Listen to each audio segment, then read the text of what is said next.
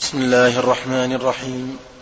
الحمد لله رب العالمين وصلى الله وسلم على نبينا محمد وعلى آله وصحبه أجمعين. اللهم صل حدثنا أبو بكر بن أبي شيبة وابن نمير قال حدثنا أبو أسامة عن عبد الحميد بن جعفر عن يزيد بن أبي حبيب عن عطاء عن جابر رضي الله عنه قال سمعت رسول الله صلى الله عليه وسلم عام الفتح.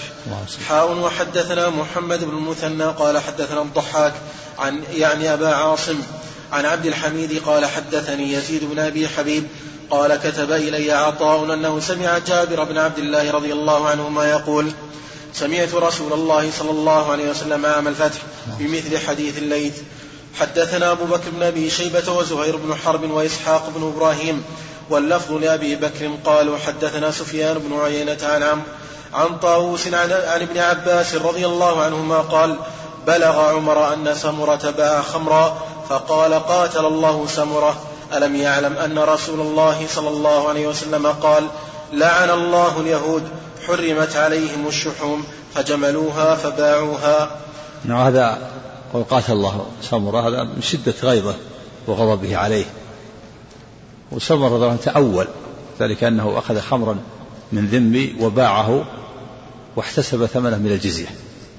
متأول. متأولا أنه أنه أنه كما يجوز لهم بيع بيع الخمر. فباعه واحتسب ثمنه من الجزية. وهذا لا لا يجوز. لأن هم الذين يبيعونه لا أن نبيعه نحن لهم. لكنه تعور رضي الله عنه فأخذ خمرا من ذمي وباعه واحتسب ثمنه من الجزية متأولا أنه كم أنه يجوز لهم بيعها وأنه إنما أخذ احتسب من الجزية. فلما بلغ عمر قال قاتل الله سمرة. ألم يعلم النبي النبي صلى الله عليه وسلم قال قاتل الله اليهود إن الله من حرم عليهم الشوم أذابوه أعاد الحديث. عن ابن عباس رضي الله عنهما قال بلغ عمر أن أن سمرة باع خمرا فقال قاتل الله سمرة. ألم يعلم أن رسول الله صلى الله عليه وسلم قال لعن الله اليهود حرمت عليهم الشحوم فجملوها فباعوها. جملوها يعني أذابوها. على النار حتى صارت دهن. وقالوا قالوا إنها صارت دهن الآن تغيرت ما هي بشحوم. هذه حيلة حيلة على حيلة على المحرم نعم. حدثنا أمية بن بسطام قال حدثنا يزيد بن زريع قال حدثنا روح يعني ابن القاسم عن عمرو بن دينار بهذا الإسناد مثله. حدثنا إسحاق بن إبراهيم الحنظلي قال أخبرنا روح بن عبادة قال حدثنا ابن جريج قال أخبرني ابن شهاب عن سعيد بن المسيب. عن سعيد بن المسيب أنه حدثه عن أبي هريرة رضي الله عنه عن رسول الله صلى الله عليه وسلم قال قاتل الله اليهود حرم الله عليهم الشحوم فباعوها وأكلوا أثمانها. نسأل الله العافية، نعم. حدثني حرملة بن يحيى قال أخبرنا ابن وهب مثل ما يتحول تحيل بعض الناس على الربا الآن. مثل قلب الدين على المعسر. بعض الناس إذا صار له دين على شخص له عشرة آلاف أو عشرين ألف ثم حل الدين والمدين معسر قال أعطيني قال أنا أنا معسر والله ما عندي شيء قال أبيع لك سيارة. أبيع لك سيارة. يبيع عليه سيارة تسوى عشرين يبيعها بثلاثين ثم يقول بعها في الحال في فيبيعها في الحال ويعطيه العشرين ويبقى في ذمته وتراكم الدين عليه. هذه حيلة. هذا قلب الدين على المحسن. حيلة على الربا. ما يستطيع يقول بزيد عندك العشرين بخلي ثلاثين جعل جاء تحيل ببيع السيارة. نعم. هذه حيلة. حيلة باطلة هذا ربا. نعم. حدثني حرملة بن يحيى قال أخبرنا ابن وهب قال أخبرني يونس عن ابن شهاب عن سعيد بن المسيب عن أبي هريرة رضي الله عنه قال قال رسول الله صلى الله عليه وسلم الله قاتل الله اليهود حرم عليهم الشحم فباعوه وأكلوا ثمنه. صلى الله العافية نعم. حدثنا يحيى بن يحيى قال قرأت على مالك عن نافع عن أبي سعيد الخدري رضي الله عنه أن رسول الله صلى الله عليه وسلم قال لا تبيع الذهب بالذهب.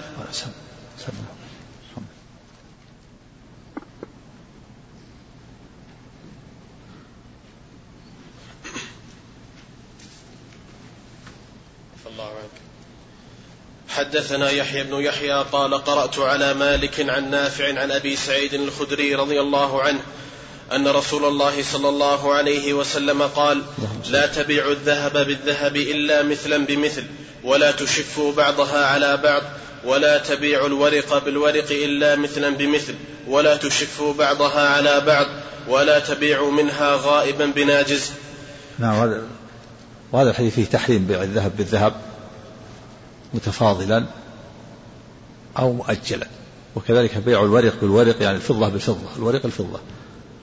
متفاضلا أو, أو مؤجلا. فإذا باع ذهب بذهب فلا يجوز أن يزيد بعضها على بعض. ولهذا قال ولا تشفوا. يعني لا تزيدوا بعضها على بعض. لا بد أن يتساوي بالميزان. وكذلك لا يجوز التأجيل ولهذا قال ولا تبيعوا منها غائبا بالعجز إذا باع الذهب بالذهب لا بد أن يتساوي في الميزان. ولا بد أن يكون يدا بيد. خذ وأعطي. وكذلك الفضة بالفضة. وإذا باع أحدهما بالآخر سقط أحد الشرطين. إذا تماثلا لا بد من شرطين. التما إذا إذا كان بيع الشيء بمثله ذهب بذهب فضة بفضة لا بد من شرطين. الشرط الأول أن يتماثلا بالميزان يتساوي بالميزان لا يزيد بعضها على بعض. والشرط الثاني التقابض بمجلس العقد ما في تأخير. أما إذا اختلفت بيع أحدهما بالآخر ذهب بفضة فضة بذهب سقط أحد الشرطين وبقي الشرط الآخر. يسقط شرط التماثل لا لا, يجب التماثل. له أن يبيع مئة غرام من الفضة بغرام واحد من الذهب. ما في مانع. الزيادة لا بأس. لكن لا بد من التقابض الشرط من مجلس العقد. خذ وأعطي. إذا اتفقا ذهب بذهب فضة بفضة لا بد من شرطين. التماثل التساوي بالميزان والثاني التقابل مجلس العقد. وإذا اختلفا بأحدهما بالآخر. سقط أحد الشرطين وهو التماثل وبقي الشرط الآخر وهو التقابل مجلس العقد وسيأتي أيضا هذا الحكم هذا في في بيع البر بالبر والشعير بالشعير والتمر بالتمر والملح بالملح أربعة أصناف نعم. حدثنا قتيبة بن سعيد قال حدثنا ليث حاء وحدثنا محمد بن رمح قال حدثنا الليث عن نافع أن ابن عمر رضي الله عنهما قال قال له رجل من بني ليث إن أبا سعيد الخدري رضي الله عنه يأثر هذا عن رسول الله صلى الله عليه وسلم. في رواية قتيبة فذهب عبد الله ونافع معه. وفي حديث ابن رمح قال نافع فذهب عبد الله وأنا معه والليثي حتى دخل على أبي, على, أبا على أبي سعيد الخدري رضي الله عنه فقال إن هذا أخبرني أنك تخبر أن رسول الله صلى الله عليه وسلم نهى عن بيع الورق بالورق إلا مثلا بمثل وعن بيع الذهب بالذهب إلا مثلا بمثل. فأشار أبو سعيد رضي الله عنه بإصبعيه إلى عينيه وأذنيه فقال أبصرت عيناي وسمعت أذناي. رسول الله صلى الله عليه وسلم يقول لا تبيع الذهب بالذهب ولا تبيع الورق بالورق إلا مثلا بمثل. ولا تشفوا بعضه على بعض ولا تبيعوا شيئا غائبا منه بناجز إلا يدا بيد. هو الورق والفضة. لا تبيعوا إلى مثلا بمثل هذا الشرط الأول. وكذلك لا تشفوا. ولا تبيعوا منها غائبا بناجز هذا الشرط الثاني. تقابل مجلس العقد. نعم. حدثنا شيبان بن فروخ قال حدثنا جرير يعني ابن حازم حاء وحدثنا محمد بن المثنى قال حدثنا عبد الوهاب قال سمعت يحيى بن يحيى بن سعيد حاء وحدثنا محمد بن المثنى قال حدثنا ابن أبي عدي عن ابن عون كلهم عن نافع بنحو حديث الليث عن نافع عن أبي سعيد الخدري رضي الله عنه عن النبي صلى الله عليه وسلم. وحدثنا قتيبة بن سعيد قال حدثنا يعقوب يعني ابن عبد الرحمن القاري عن سهيل عن أبيه عن أبي سعيد الخدري. القاري نعم يعني ابن عبد الرحمن القاري عن سهيل عن أبيه عن أبي سعيد الخدري رضي الله عنه أن رسول الله صلى الله عليه وسلم قال لا تبيعوا الذهب بالذهب ولا الورق بالورق إلا وزنا بوزن مثلا بمثل سواء بسواء. هذا تأكيد. وزن تأكيد يقول وزنا بوزن مثلا بمثل سواء بسواء تأكيد يقول وزنا بوزن. هذا الشرط الأول.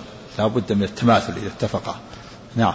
ما يزيد بعضها على بعض نعم حدثني أبو الطاهر وهارون بن سعيد الأيلي وأحمد بن عيسى قالوا حدثنا ابن وهب قال أخبرني مخرمة بن بكير عن أبيه قال سمعت سليمان بن يسار يقول إنه سمع مالك بن أبي عامر يحدث عن عثمان بن عفان رضي الله يحدث عن عثمان بن عفان رضي الله عنه أن رسول الله صلى الله عليه وسلم قال لا تبيع الدينار بالدينارين ولا الدرهم بالدرهمين. نعم والدينار ذهب والدرهم فضة. بعض الناس بعض الرجال أو بعض النساء يغلط يقع في الربا. يكون عنده ذهب قديم يكون بعض النساء عنده ذهب قديم تأتي إلى باع الذهب الصالح وتبيع عليه الذهب القديم بذهب جديد وزيادة دراهم هذا ربا. ولو كان هذا قديم وهذا جديد. لا بد أن يتمثل بالميزان. والمخرج من هذا هو أن تبيع الذهب القديم بدراهم. ثم تشتري بالدراهم ذهب جديد. أما تبيع ذهب قديم بذهب جديد بزيادة لا. معلوم أن الصغير ما يرضى أن الذهب القديم بذهب الجديد. لا بد يأخذ الفرق. والفرق لا يجوز ذهب بذهب. لكن المخرج أن تبيعه بالفضة تبيعه بالدراهم.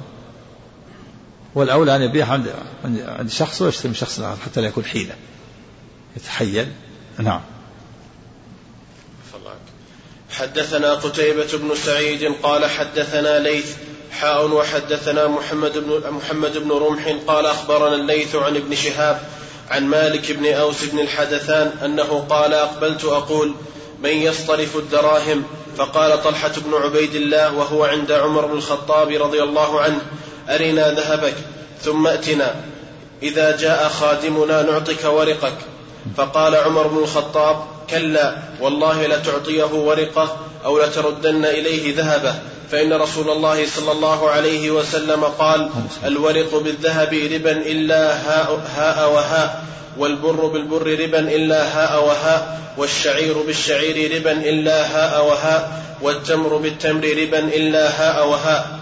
وها أقول هاء هاء وهاء يعني خذ وأعطي خذ وأعطي. هذا الشرط الثاني يعني ما في تأجيل. لما قال أعطيه الذهب وقال إذا جاء خادم نعطيك نعطيك الورق قال لا ما فيه إلا يد بيد هاء وهاء خذ وأعطي. تأجيل ما في تأجيل. نعم.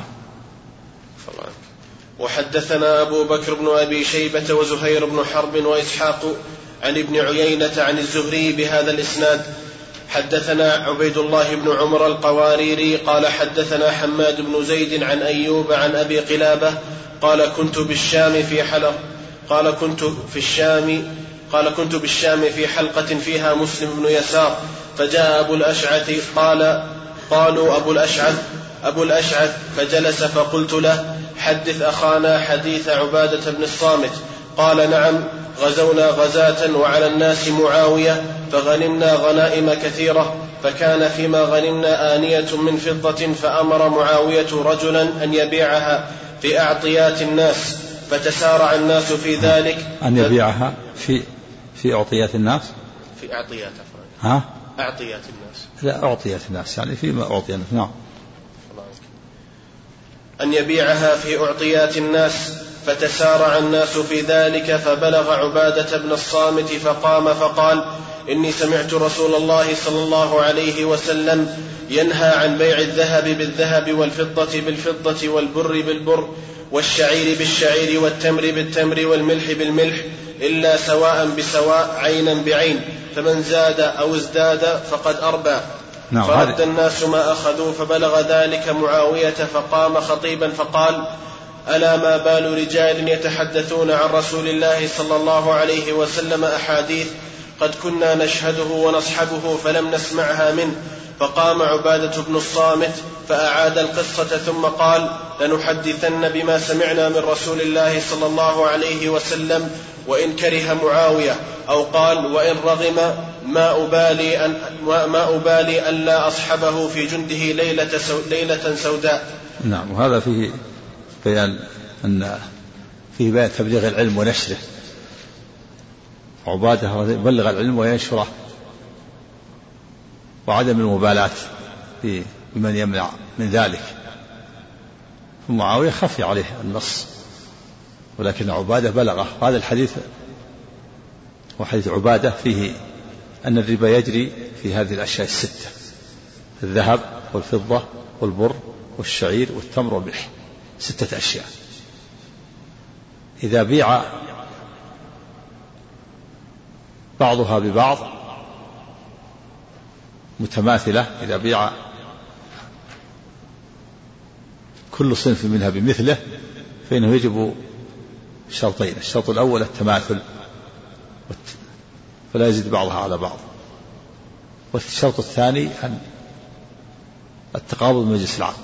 إذا بيع الذهب بالذهب لا بد من شرطين تماثل بالميزان والتقابض مجلس العقد. فضة بفضة كذلك بر ببر شعير بشعير ملح بملح تمر بتمر فلا يجوز أن تبيع صاع من البر بصاع من البر ولا صاع من الشعير بصاع من الشعير ولا صاع من التمر مثلا السكري أو نبتة السيف بصاع مثلا من من الخضر بصاعين. ما يجوز. ولو كان هذا فاخر وهذا غير فاخر. لابد من التماثل. وإذا أردت والمخرج من هذا هو أن تبيع التمر الرديء بدراهم ثم تشتري بدراهم تمرا جيدا. هذه الأشياء الستة يجري فيها الربا بالإجماع. أجمع العلماء على هذا. أن الربا يجري في هذه الأمور الستة الذهب والفضة والبر والشعير والتمر والملح. الأشياء الأربعة البر والشعير والتمر والملح.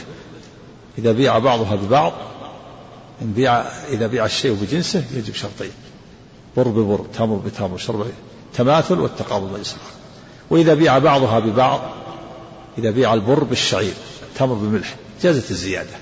سقط أحد الشرطين وهو الزيادة. فيجوز أن تبيع مئة كيلو مثلا من التمر بخمسين كيلو من, من البر. لا معنى لأنه مختلف الجنس مختلف. سقط أحد الشرطين. لكن يجب الشرط الآخر وهو التقابض التقابض من جنس العقد. خذ وأعطي. واختلف العلماء فيما عدا هذه الأشياء الستة. هل تقاس عليها أو لا تقاس؟ ذهبت الظاهرية إلى أنه لا ربا إلا في هذه الأشياء الستة. لأن الظاهرية يمنعون القياس. يقول ما في ربا إلا في هذه الأشياء الستة. ما عدا هذه يجوز مثلا ما عدا هذه الأشياء فلا بأس بالزيادة ولا بأس بعدم التقابض بمجلس العقد كالنحاس والرصاص والحديد و والأرز وغيرها. ما عدا هذه الستة لا يجري فيه الربا. وذهب جمهور العلماء إلى أنه يقاس عليها ما وافقها في العلة. اختلف العلماء في العلة التي اختلفوا في العلة التي يقاس عليها. فالعلة في في الذهب والفضة الثمنية كونها ثمن الأشياء هذا هو الصواب. قال بعضهم إن العلة الوزن لكن الصواب الثمنية. العلة كونها ثمن للأشياء. وكل ما كان ثمنا للأشياء فإنه يأخذ هذا الحكم مثل الأوراق النقدية الآن.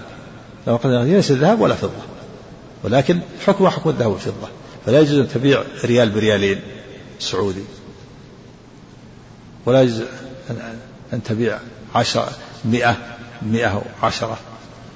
ومثل الصرف ما يجوز أن تصرف مئة مئة وثمان وتسعين.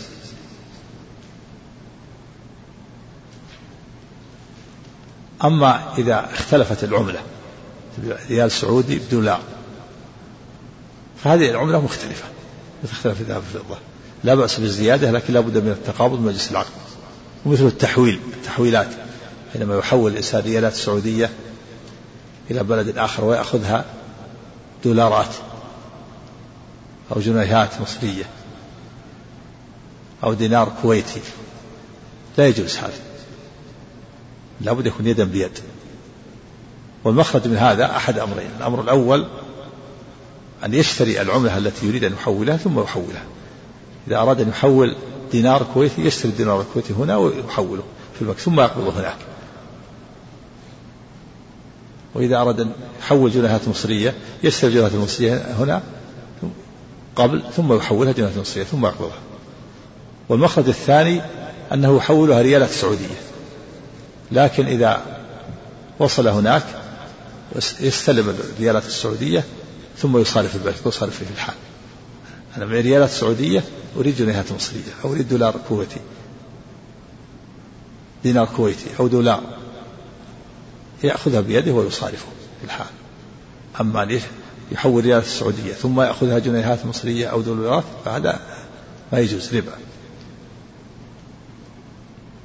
قول وبعدها لنحدثن وإن رغب أنف معاوية دليل على أن تبليغ العلم ونشره وأن من حفظ حجة على من لم يحفظ.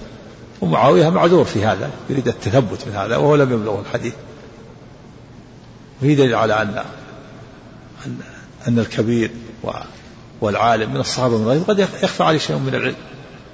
هذا معاوية صاحب النبي صلى الله عليه وسلم ومن كتاب الوحي. وهذا هذا وهذا أمر مشهور في في جرائم الربا في هذه الأشياء الستة ومع ذلك خفي على معاوية. من حفظ حجة على من لم يحفظ.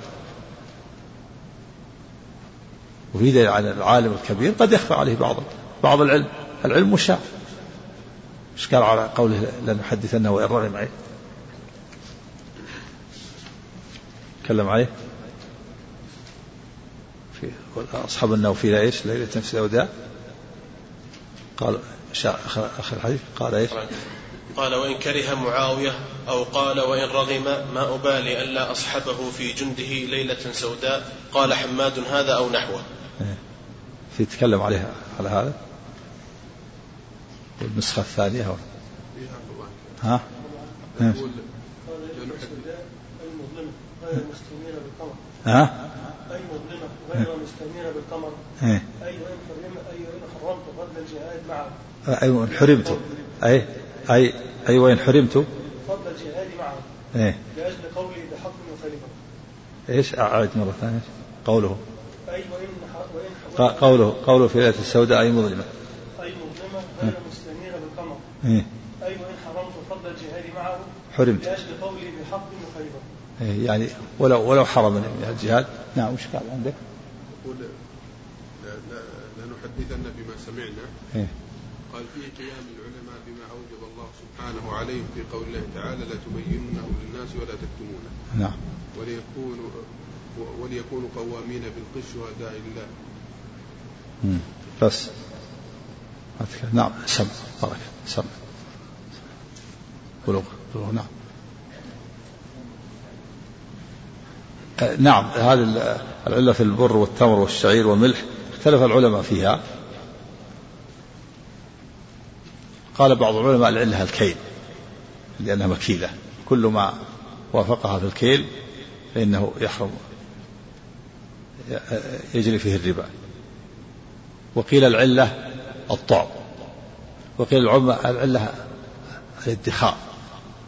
الشافعية يرون أن العلة الطعم والمالكية يرون أن العلة الادخار كل كل مدخر. ومنهم من يرى الحنابلة الأحناف الكيد والوزن. والأقرب في هذا أن أنه لا بد من اجتماع هذه الأمور كلها. لا بد أن يكون مكين مدخر ومطعوم. إذا كان مكين مدخر ومطعوم مثل الأرز. الأرز يجري فيه الربا مكين ومدخر ومطعوم لكن مثل الخضروات ما يجري فيها الربا. الخضروات والبرتقال والتفاح والموز هذه ليست مكيدة وليست موزونة في الأصل. لكن الآن وإن كانت توزن الآن. وليست مدخرة ولا تبقى مدة لكن مثل الأرز قد يكون مثل كذلك قد كذلك قد يكون مثلها الدخن وما أشبه ذلك مما يكال ويدخر وهو مطعوم. فما يأتي مثل الفقيه ويقول مثلا يقيس الأرز على البر ويقول الأرز كالبر في جريان الربا في كل منهما بجامع الطعم إذا كان شافعي. وإذا كان مالك يقول بجامع الادخار كل واحد مدخر إذا كان حنبلي وحنيفة قال بجامع الكيل جمع الكيل كل كلاهما مكيل الكيل والوزن. نعم فالجمهور على أنه يقاس عليها ما وافقها في العلة مع اختلاف في العلة. والظاهرية اقتصروا على هذه الأشياء الستة لأنهم لا يرون القياس. نعم سم.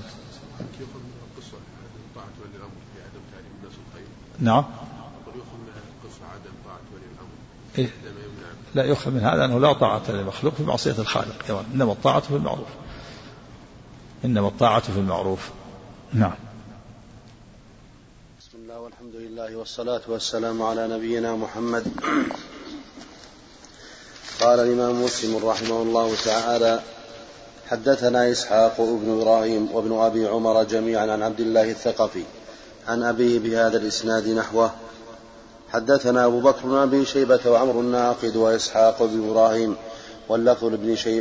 لابن أبي شيبة قال إسحاق أخبرنا وقال الآخران حدثنا وكيع.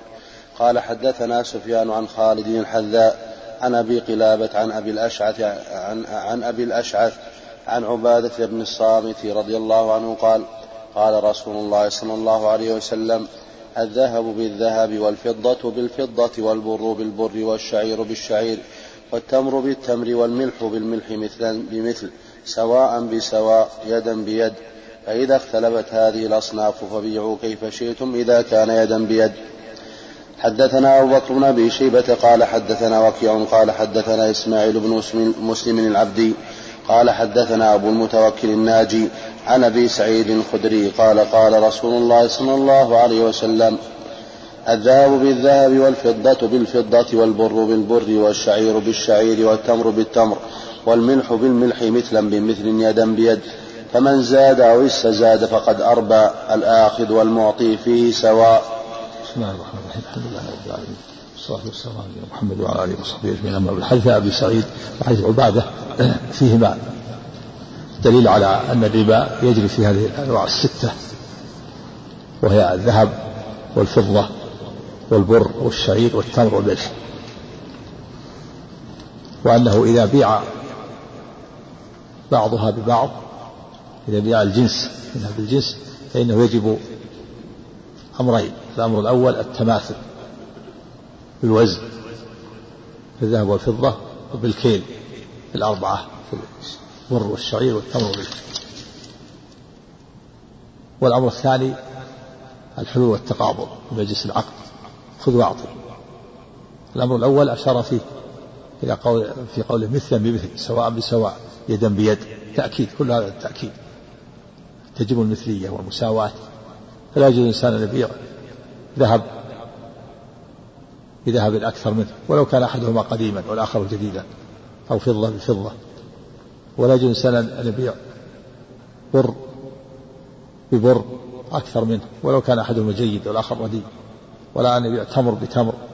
تمر جيد بتمر. أكثر منه. ولو كان أحدهما رديئا والآخر جيدا. أما إذا اختلفت الأجناس وبيع بعضها ببعض بيع ذهب بفضة فضة بذهب بر بشعير تمر بملح فإنه يسقط أحد الشرطين ويبقى الشرط الآخر. يسقط شرط التماثل. فيجوز الزيادة. إذا باع ذهب بفضة يجوز الزيادة. بر بتمر يجوز أن يبيع صاعين من البر بصاع من التمر. صاعين من الملح بصاع من الشعير. الزيادة جائزة. ويبقى الشرط الآخر وهو التقابض والحلول في مجلس العقد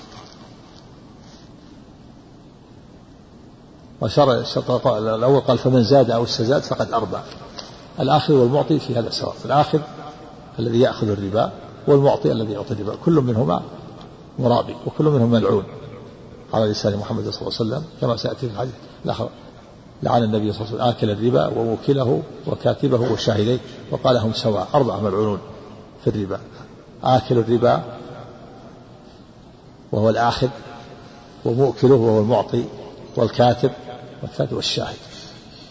صلى الله عليه وسلم والعافية. وهذا يدل على أن التعامل بها من الكبائر. وهو من كبائر الكبائر العظيمة. التي توعد عليها بوعيد شديد لم يرد في كبيرة دون الشرك مثله. فإن الله تعالى آذن المراد بحرب بحربه وحرب رسوله. قال سبحانه فإن لم تفعلوا فأذنوا بحرب من الله. يا أيها الذين آمنوا اتقوا الله وذروا ما بقي من الربا إن كنتم مؤمنين. فإن لم تفعلوا فأذنوا بحرب من الله ورسوله. وإن تبتم فلكم رؤوس أموالكم. لا تظلمون ولا تظلمون. هذا في بيان العلة في تحريم الربا وهو الظلم. لا تظلمون ولا تظلمون. الواجب كل يأخذ رأس المال. والزيادة ظلم. نعم. حدثنا عمرو الناقد قال حدثنا يزيد بن هارون قال أخبرنا سليمان الربعي قال حدثنا أبو المتوكل الناجي عن أبي سعيد الخدري رضي الله عنه قال قال رسول الله صلى الله عليه وسلم الذهب بالذهب مثلا بمثل فذكر بمثله. حدثنا أبو كريب محمد بن العلاء وواصل بن عبد الأعلى. واختلف العلماء في فيما في غير الستة كما سبق فالظاهرية لا يتجاوزون هذه الستة. يقول لا جلد إلا في هذه الستة لأنهم لا يرون العمل بالقياس. أما جمهور العلماء فهم قاسوا عليها. ما شاركها في العلة. اختلفوا في العلة. والعلة في في الذهب والفضة الصحيح أن أنها ثمنية كل ما كان ثمن للأشياء فهو يجري فيه الربا. ولهذا قال الإمام مالك لو تعامل الناس بالجلود لكان لها حكم الثمنية فلا يجوز بيع بعضها ببعض. مؤجلا. قال في في زمانه لو تعامل الناس بالجلود. الناس الآن تعامل الناس بالورق أقل أضعف من الجلود. ولكن يخطر ببال السابقين الأولين الناس من العلماء أن الناس سيعاملوا بالأوراق ما كان يحلم أحد. ورق ورق ضعيف. وصارت هي العملة الآن. مالك قال لو تعامل الناس بالجلود الجلود الجلد قوي أقوى من الورق لأن الأوراق سريعة التلف ومع ذلك في هذا الزمان صارت هي هي العملة. فالعلة الثمنية. كل ما كان ثمن الأشياء لا يجوز بيع بعضها البعض. الأوراق النقدية لا يجوز بيع بعضها البعض. متماثلا إذا كانت عملة واحدة مثل الريالات السعودية بعضها البعض لا يجوز الزيادة ولا التأجيل. وإذا اختلفت عملة بعملة جازت الزيادة يعني ريال سعودي بدولار أو بدينار كويتي مثلا أو غيره أو أردني. لا بأس بالزيادة ولكن يجب التقابض في مجلس العقد. أما الأربعة الباقية وهي البر والشعير والتمر والملح اختلف العلماء في العلة. فمنهم من قال العلة الكيل. ومنهم من قال العلة الطعم. ومنهم من قال العلة الادخار. والأقرب أن هذه الأشياء كلها لا بد من اجتناعها كلها لا بد أن يكون مكيل مطعوم مدخر. مثل الأرز ومثل الدخن والذرة والزبيب. كل هذه مكيلة ومطعومة ومدخرة يجري فيها الربا على الصحيح.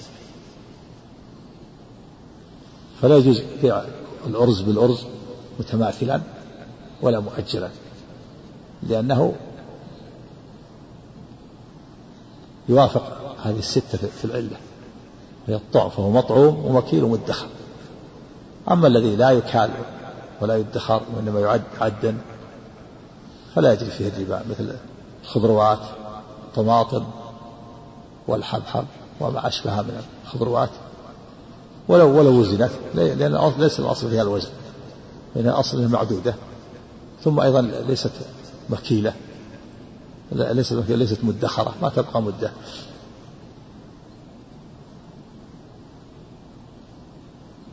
فلا بد أن يكون مكيل مدخر مطعوم. بعض العلماء يرى أن العلة الوزن وأن وألحق بذلك النحاس والرصاص والرصاص والحديد. الأجر فيها الربا والصواب أن أن هذا هذا الأقرب هو هذا. بعض العلماء رأى أن العلة في النقدين الوزن. الصواب أن العلة في النقدين الثمنية وفي الأجناس الأربعة الكيل مع مع الطعم والادخار. نعم. ما يجري ربا في الحديد ولا بعض لا يجري عند الحنابلة والأحناف اللي قالوا أن العلة الوزن قالوا يجري فيه الربا الحديد والنحاس والرصاص قالوا يجري فيه لأنه ربوي. وهل يجري الربا في اللحم؟ إذا بيع لحم بلحم. مطعوم موزون. وبيع الحيوان بالحيوان. الصواب إنه لا يجري فيه الربا. لأنه وإن كان مطعوما لكن ليس مدخرا. بيع الحيوان بالحيوان الصوم لا بأس به. في خلاف جاء في الحديث نهى النبي عن بيع الحيوان بالحيوان النسيئة أو الترمذي في كلام لأهل العلم. نعم. نعم. اللبن مطعوم ولكن ليس مدخرا ما يبقى مدة نعم.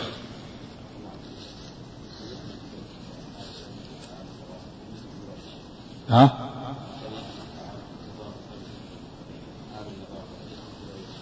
وش وعيد وعيد إيش؟ هذا الكاتب والحامل هذا يبقى معيد هذا ما هو بحامل ولا كاتب لكن يبقى مسألة الإعانة. نعم.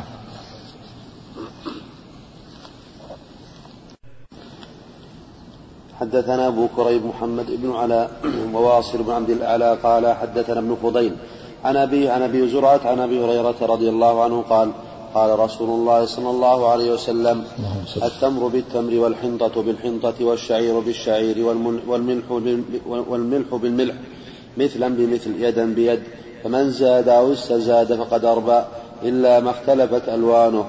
يعني الأجناس إلا ما اختلف أجناسه فلا بأس بالزيادة البر جنس والتمر جنس.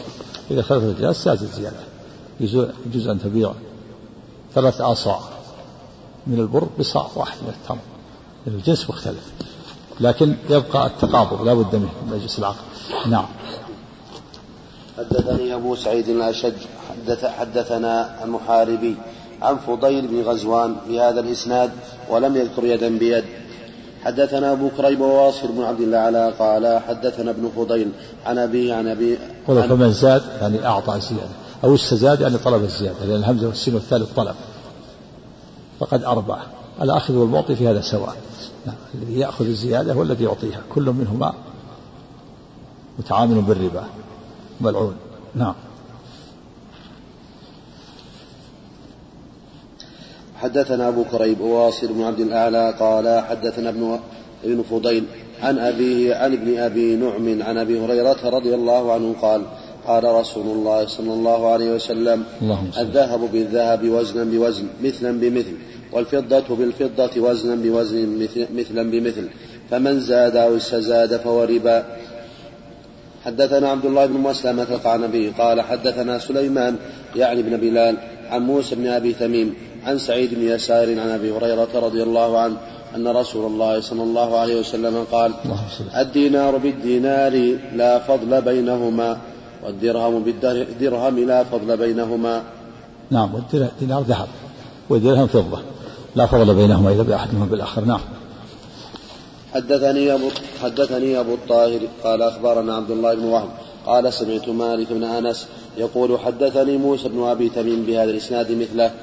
حدثنا محمد بن حاتم بن ميمون قال حدثنا سفيان بن عيينة عن عمرو عن أبي منهال قال باع شريك لي ورقا بنسيئة إلى الموسم أو إلى الحج فجاء إلي فأخبرني فقلت هذا أمر لا يصلح. قال قد بعته في السوق فلم ينكر ذلك علي أحد. فأتيت البراء بن عازم فسألته فقال قدم النبي صلى الله عليه وسلم المدينة ونحن نبيع هذا البيع. فقال ما كان يدا بيد فلا بأس به وما كان نسيئة فهو ربا وأت زيد بن أرقم فإنه أعظم تجارة مني. فأتيته فسألته فقال مثل ذلك. نعم والورق هي الفضة. باع ورق بنسيئة بورق النسيئة يعني مؤجل أعطاه باع ورق ولم يأخذ الثمن في الحال فأنكر عليه. فقال إني فعلت هذا بالسوق ولم يكن علي أحد. هذا في دليل على أن ما يفعله الناس بأسواقهم ليس حجة. والحجة في كتاب الله وسنة رسوله صلى الله عليه وسلم وأنه قد يتعامل الناس بالربا في الأسواق ولا ينكره أحد بسبب الجهل وضعف الوازع الديني ضعف الإيمان. ولهذا من هذا أنكر على على صاحبه هذا البيع. وقال إني فعلته ولا السوق ولم ينكر عليه أحد. ويدل على أن هذا البيع فاسد. فجاء في فرده. إذا تعامل بالربا فإن البيع فاسد يجب فسخ البيع. والبائع كل يأخذ حقه البائع يأخذ حقه لأن البيع فاسد. نعم. فالناس يتعاملون في أسواقهم في, في معاملات شرعية غير شرعية وقد لا ينكر أحد أحد بسبب الجهل وضعف الإيمان. فلا يكون حجة فعل الناس. إنما الحجة في كتاب الله وسنة رسوله صلى الله عليه وسلم. نعم. حدثنا عبيد الله بن معاذ العنبري قال حدثنا أبي قال حدثنا شعبة عن حمي عن حبيب أنه سمع أبا أنه سمع أبا المنهال يقول سألت البراء بن عازب رضي الله عنه عن الصرف فقال سل زيد بن أرقم فهو أعلم فسألت زيدا فقال سل البراء فإنه أعلم ثم قال نهى رسول الله صلى الله عليه وسلم عن بيع الورق بالذهب دينا. نعم كل واحد يدفع الفتوى إلى الآخر كل واحد يسأل الآخر فهو أعلم. الصرف يعني صرف دراهم بدراهم أو أو فضة بذهب. لا يجوز التعجيل ولهذا نهى عن الصرف. بالدنيا بدينا نهى عن ولهذا نهى عن الصرف. نهى عن قال سألت البراء بن عازم عن الصرف فقال زيد بن أرقم. لا في الآخر آخر نهى عن الصرف. نعم قال نهى رسول الله صلى الله عليه وسلم عن بيع الورق بالذهب دينا. نعم عن بيع الورق الورق الفضة بالذهب دينا يعني مؤجلا هذا لا بد منه في بيع الربويات وهو التقابل مجلس العقد لا يجوز الدين. أما الزيادة فلا بأس بيع الورق بالدينار بالذهب لأن الورق جنس الذهب وهو الفضة. والذهب جنس فالزيادة جائزة لكن الدين لا يجوز. لا بد من التقابل مجلس العقد. نعم. حدثنا أبو الربيع العتكي قال حدثنا عباد بن عوام قال أخبرنا يحيى بن أبي إسحاق قال حدثنا عبد الرحمن بن أبي بكرة عن أبيه رضي الله عنه قال نهى رسول الله صلى الله عليه وسلم عن الفضة بالفضة والذهب بالذهب إلا سواء بسواء وأمرنا أن نشتري الفضة بالذهب كيف شئنا ونشتري الذهب بالفضة كيف شئنا. قال فسأله رجل فقال يدا بيد. فقال هكذا سمعت. يعني لا بد منه يدا بيد. على الذهب بالفضة كيف شئنا يعني إذا كان يدا بيد. هذا لا بد منه. يعني ومعنى كيف شئنا يعني الزيادة. الزيادة والنقصان لا بأس. بيع الذهب بالفضة وبيع الفضة بالذهب كيف شاء الزيادة. أحدهما أكثر من الآخر. لكن لا بد من التقابل مجلس العقد نعم. في زيادة مطلوبة إلا مثلا بمثل بعد قوله إلا سواء بسواء إلا مثل تأكيد ما يكون تأكيد. مثل مثل نعم. حدثني إسحاق بن منصور قال أخبرنا يحيى بن صالح قال حدثنا معاوية معاوية عن يحيى معاوية عن يحيى وهو ابن أبي كثير عن يحيى بن أبي, ابن أبي إسحاق أن عبد الرحمن بن أبي بكرة أخبره أن أبا بكرة رضي الله عنه قال نهانا رسول الله صلى الله عليه وسلم بمثله. حدثنا أبو الطاهر أحمد بن عمرو بن سرح. قال أخبرنا ابن وهب. قال أخبرني أبو هاني الخولاني أنه سمع علي بن رباح اللخمي يقول سمعت فضالة بن عبيد الأنصاري. علي بن رباح علي. علي. نعم جاء له في علي وعلي. علي لقب وعلي اسم. يقال له علي ويقال علي.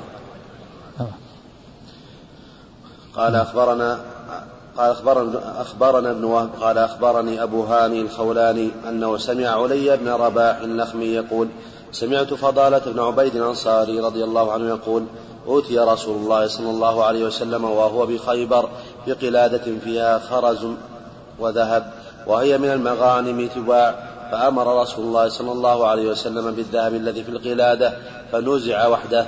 ثم قال لهم رسول الله صلى الله عليه وسلم الذهب بالذهب وزنا بوزن. حدثنا قتيبة بن سعيد قال حدثنا ليث عن أبي شجاع سعيد بن يزيد عن خالد بن أبي عمران عن حنش الصنعاني عن فضالة عبيد رضي الله عنه قال اشتريت يوم خيبر قلادة باثني عشر دينارا فيها ذهب وخرز ففصلتها ففصلتها. فوجدت فيها أكثر من اثني عشر دينارا فذكرت ذلك للنبي صلى الله عليه وسلم فقال لا تباع حتى تفصل. نعم هذه القصة فيها حديث فضالة أنه باع قلادة فيها من ذهب فيها ذهب وخرز. أو اشتراها باثني عشر درهم 12 دينارا ففصلها فوجد الذهب أكثر. أو أنها الذهب الذي اشتراه أكثر.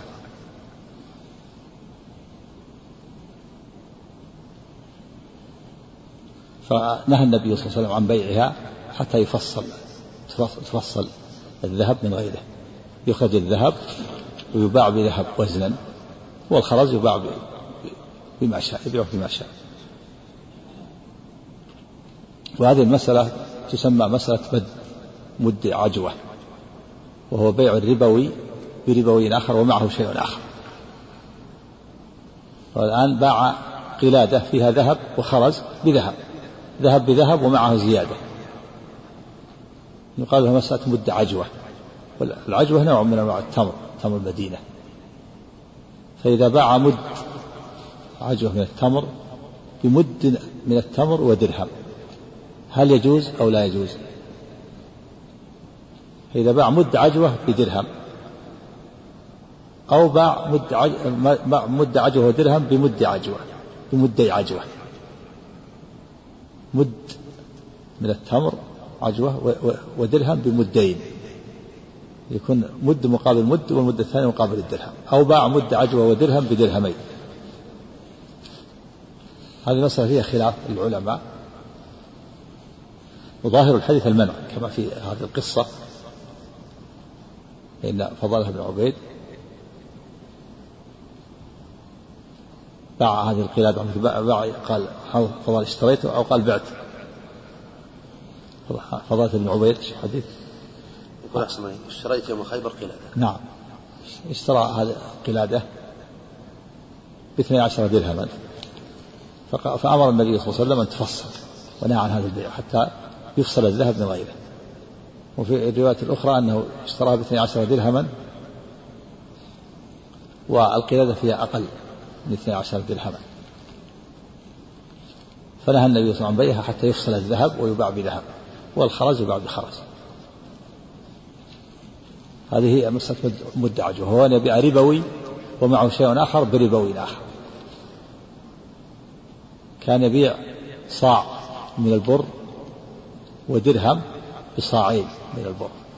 ويبيع صاع صاع تمر ودرهم بصاع بصاعي شعير.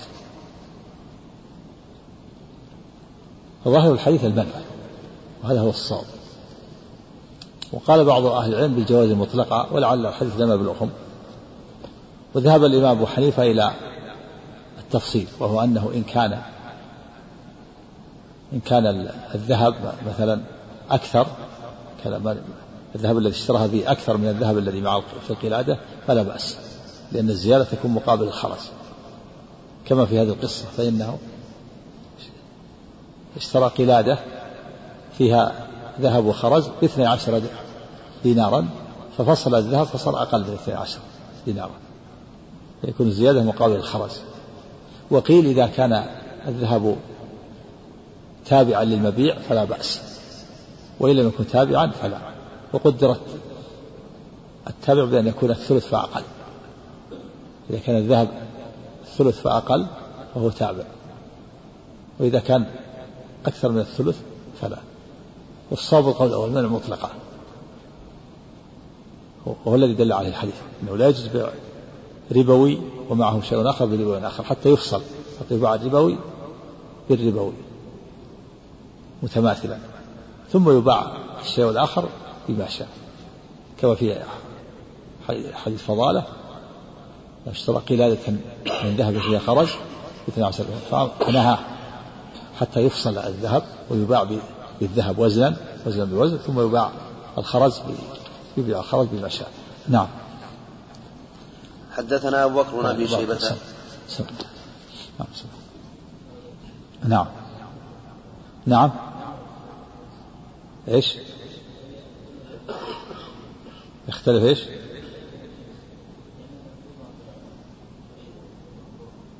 فيه. لا إذا بيع الذهب والفضة بواحد من الأربعة لا لا يجب التقابض هنا بالإجماع لأن لأن الذهب والفضة ثمن الأشياء. يجوز أن يبيع مثلا البر أو الشعير أو التمر بدراهم لا بأس بذهب أو بفضة ولو مؤجل. نعم. أحسن الله إليك. حدثنا أبو بكر بن أبي شيبة وأبو كريب قال حدثنا ابن مبارك عن سعيد بن يزيد بهذا الإسناد نحوه.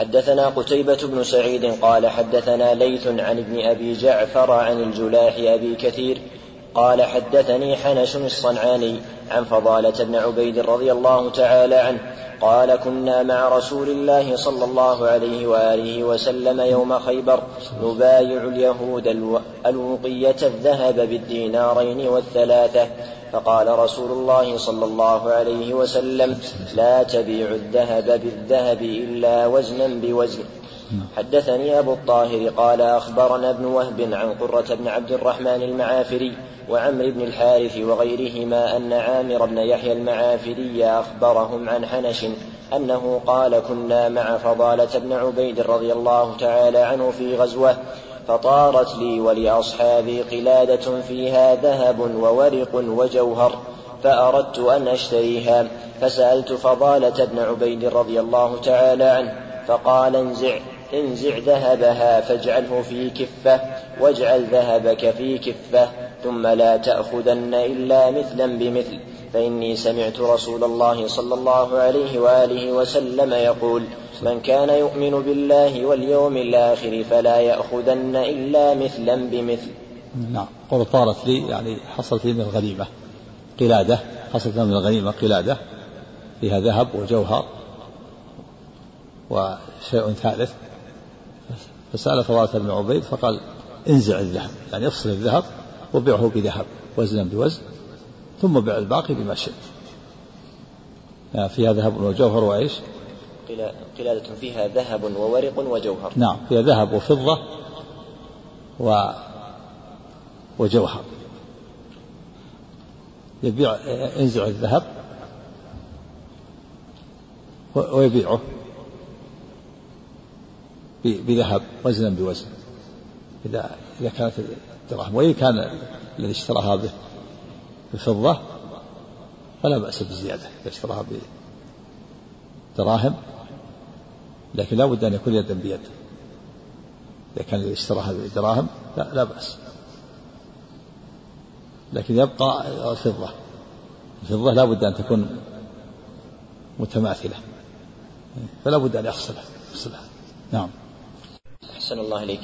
حدثنا هارون بن معروف قال أخبرنا عبد الله بن وهب قال أخبرني عمرو حاء وحدثني أبو الطاهر قال أخبرنا ابن وهب عن عمرو بن الحارث أن أبا النضر حدثه أن بسر بن سعيد حدثه عن معمر بن عبد الله أنه أرسل غلامه بصاع قمح فقال بعه ثم اشتر به شعيرا فذهب الغلام فأخذ صاعا وزيادة بعض صاع فلما جاء معمرا فلما جاء معمرا أخبره بذلك فقال له معمر لم فعلت ذلك؟ انطلق فرده ولا تأخذن إلا مثلا بمثل. فإني كنت سمع فإني كنت أسمع رسول الله صلى الله عليه وسلم يقول الطعام بالطعام مثلا بمثل. قال وكان طعامنا يومئذ الشعير. قيل له فإنه ليس بمثله. قال إني أخاف أن يضارع. نعم وهذا من باب التورع الورع من معمر أنه باع صاعا من البر من الحنطة بصاع من الشعير وزيادة فقال رده لا تأخذ الزيادة. والصوم لا بأس به لأن هذا الجنس مختلف. لكن تورع. معمر قال إني أخاف أن يضارع. يضارع أن يشابه ويشارك الممنوع فيأخذ حكمه في تحريم الربا. ومنه الفعل المضارع سمى الفعل المضارع مضارع لأنه يشابه الاسم في كونه معربا. خاف أن يضارع. واستدل بعموم الحديث نهى عن بيع الطعام بالطعام. والصواب أنه لا بأس ببيع الحنطة بالشعير وأحدهما أكثر من الآخر. لأن هذا جنس وهذا جنس. لما سبق في الحديث النبي صلى الله عليه وسلم. قال فإذا اختلفت هذه الأصناف فبيعوا كيف شئتم إذا كان يدا بيد. ولما جاء في الحديث الآخر لا بأس ببيع البر بالشعير. وأحدهما أكثر إذا كان إذا كان يدا بيد أو كما جاء في الحديث. لكن معمر خاف خاف أن تورع وخاف أن يشابه قال أخشى أن يضارع يعني يشابه الممنوع. الممنوع بيع طعام بطعام زيادة. واحد أكثر من الآخر فخاف أن يضارعه ويشابهه فيأخذ حكمه في التحريم في تحريم الربا. يضارع يشابه ويشارك.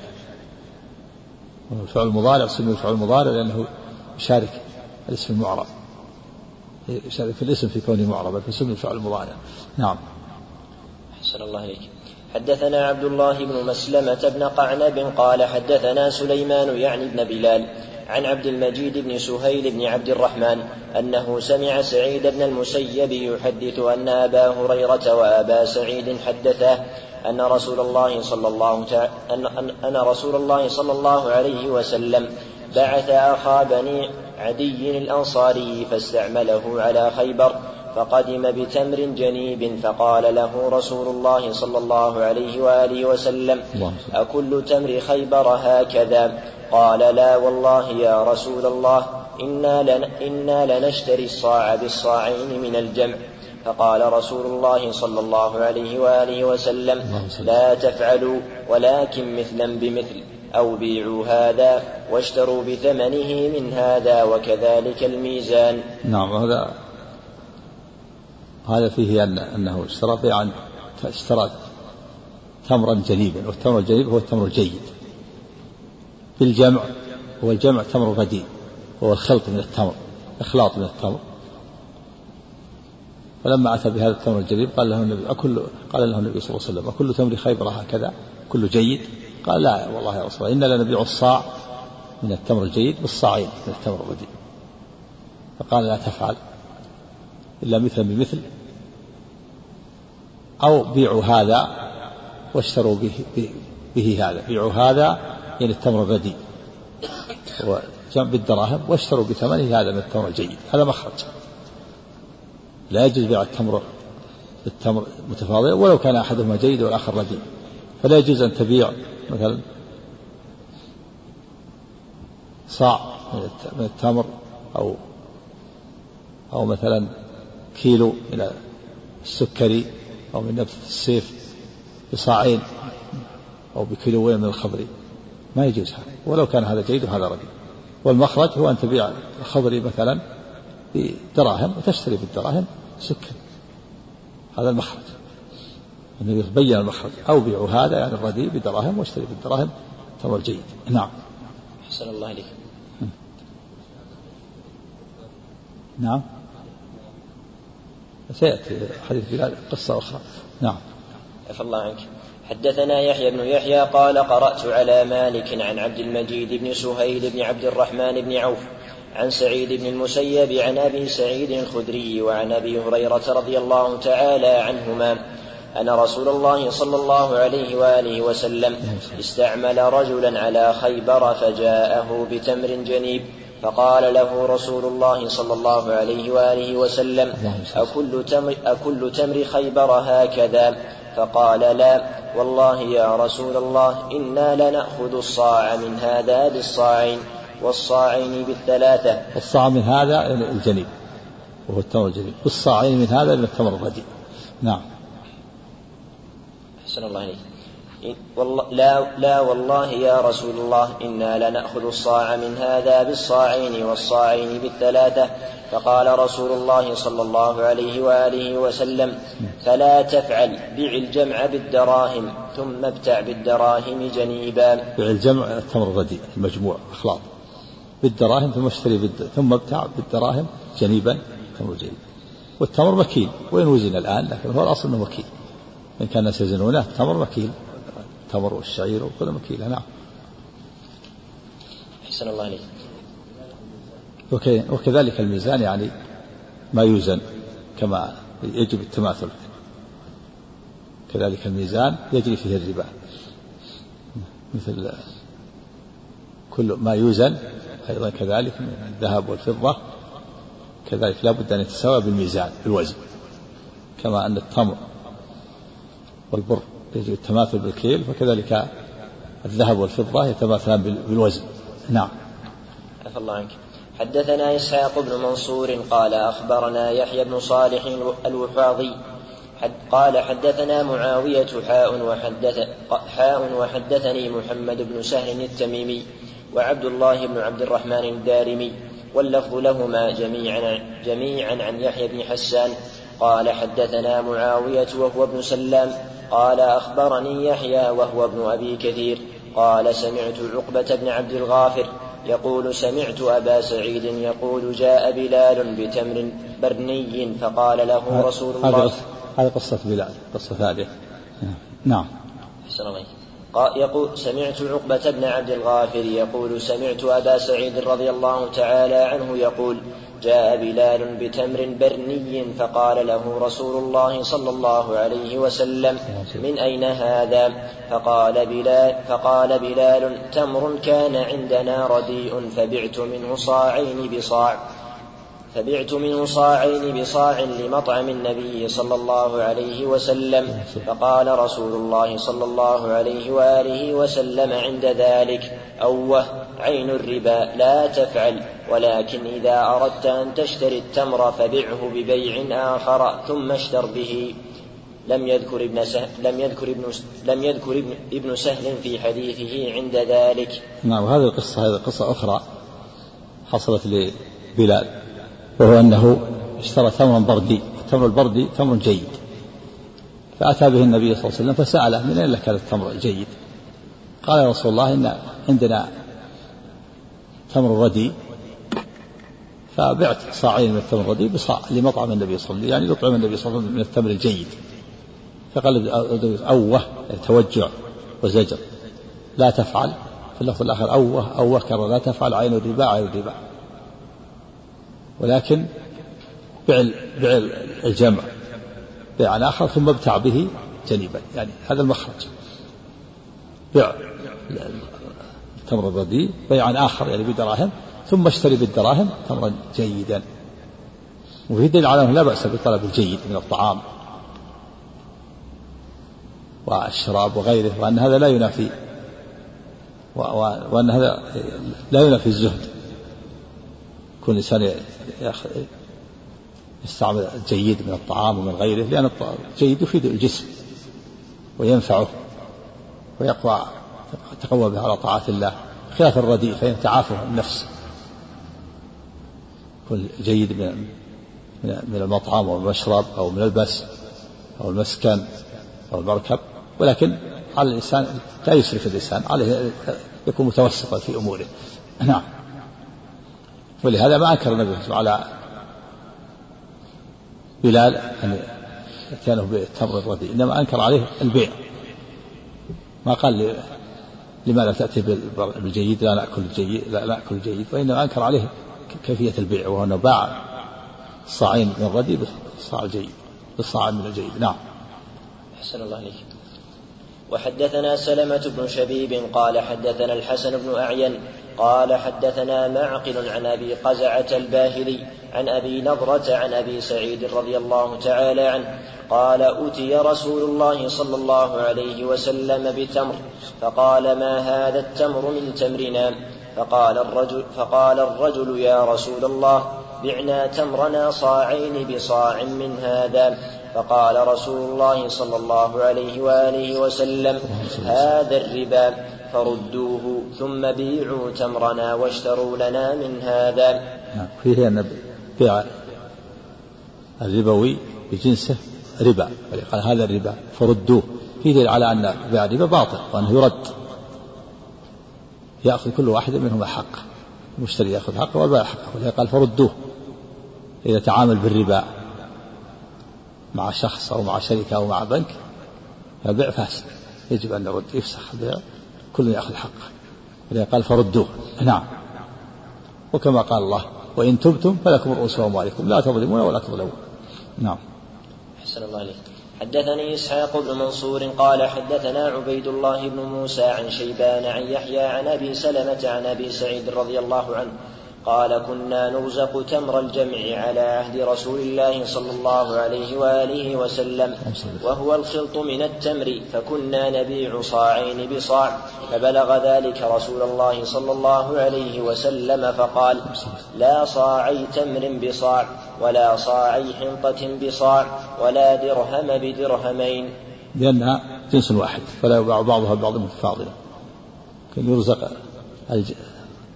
الجمع والتمر الرديء والخلط يعني خلط مجموعة من أنواع من التمر الرديء فيبيعون فكانوا يبيعون الصاعين بالصاع. فنهاهم النبي لا صاعي تمر بصاع ولا صاعي بر بصاع ولا ولا درهمين بدرهم.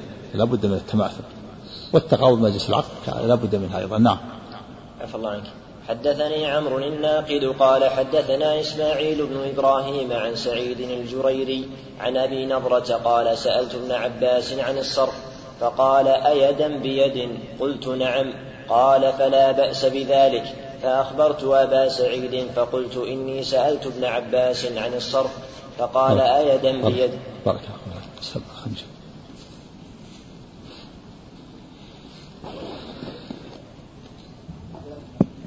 نعم